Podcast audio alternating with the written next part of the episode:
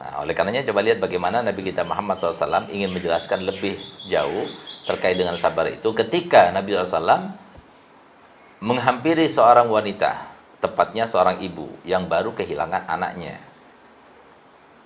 Kemudian dia dimakamkan, dikuburkan.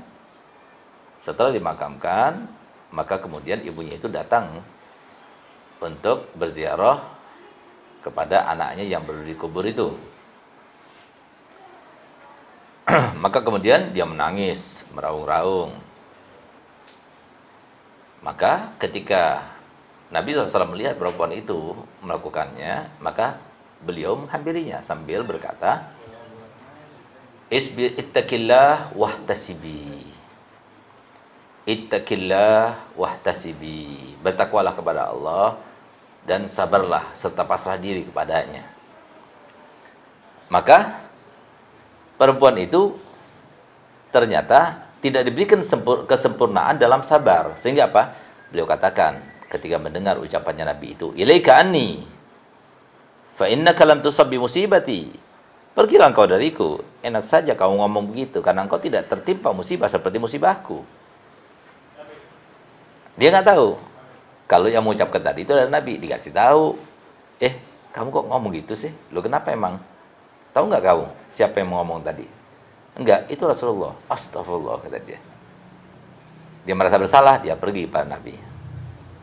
Ingin memohon maaf atas kelancangan di dalam berucap dan menjawab pertanyaan pernyataan Nabi SAW tadi. Ketika dia itu masuk ke rumah Nabi, ternyata rumah Nabi memang tidak ada penjaganya. Karena Nabi SAW tidak pernah pakai satpam ya. Ataupun eh, mereka yang menyeleksi siapa pun yang datang kepadanya tidak. Bebas. Nabi SAW membuka pintunya 24 jam untuk siapa saja yang berkehendak untuk berjumpa dengannya. Walaupun ada perintah untuk kita itu datang kepada Nabi yang sekarang ini diwakili atau diwarisi oleh para ulama pada waktu-waktu tertentu. Jangan bukan pada waktunya tidak menerima tamu. Kecuali kalau memang darurat ya. dia masuk Ketika berjumpa dengan Nabi SAW, maka beliau mengatakan, Lam a'rifkah? Aku tidak tahu kalau engkau yang mengatakan Nabi. Mohon maaf. Maka dijawab oleh Nabi SAW, Innama sabru inda sadmatil ula. Jadi sabar itu terjadinya, terbuktinya, diterapkannya ketika terjadi pertama kali dia langsung pasrah pada Allah. Pasrah itu gimana sih? Banyak orang nggak paham. Pasrah kepada Allah, pasrah kepada Allah. Apa sih maksudnya pasrah kepada Allah? Pasrah kepada Allah itu adalah begitu terjadi sesuatu dia langsung pasrah kepada Allah dengan dia harus tahu satu harus kita ketahui bahwasanya Allah tidak menentukan kecuali yang terbaik buat kita. Ya, tapi sekali lagi saya ingatkan yang terbaik untuk kita di dalam pengetahuan Allah bukan dalam pengetahuan kita. Jangan diukur yang terbaik yang ditentukan Allah Ta'ala itu dengan ukuran pengetahuan kita. Karena pengetahuan kita itu sangat-sangat dan sangat terbatas dibandingkan dengan pengetahuan Allah yang begitu melimpah.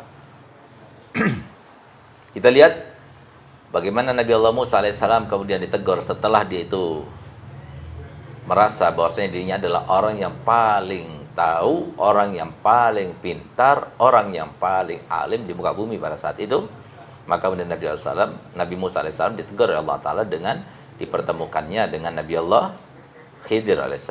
Setelah kejadian demi kejadian yang terjadi antara Nabi Musa dan Nabi Khidir, maka kemudian keduanya itu duduk di tepian laut. Ya.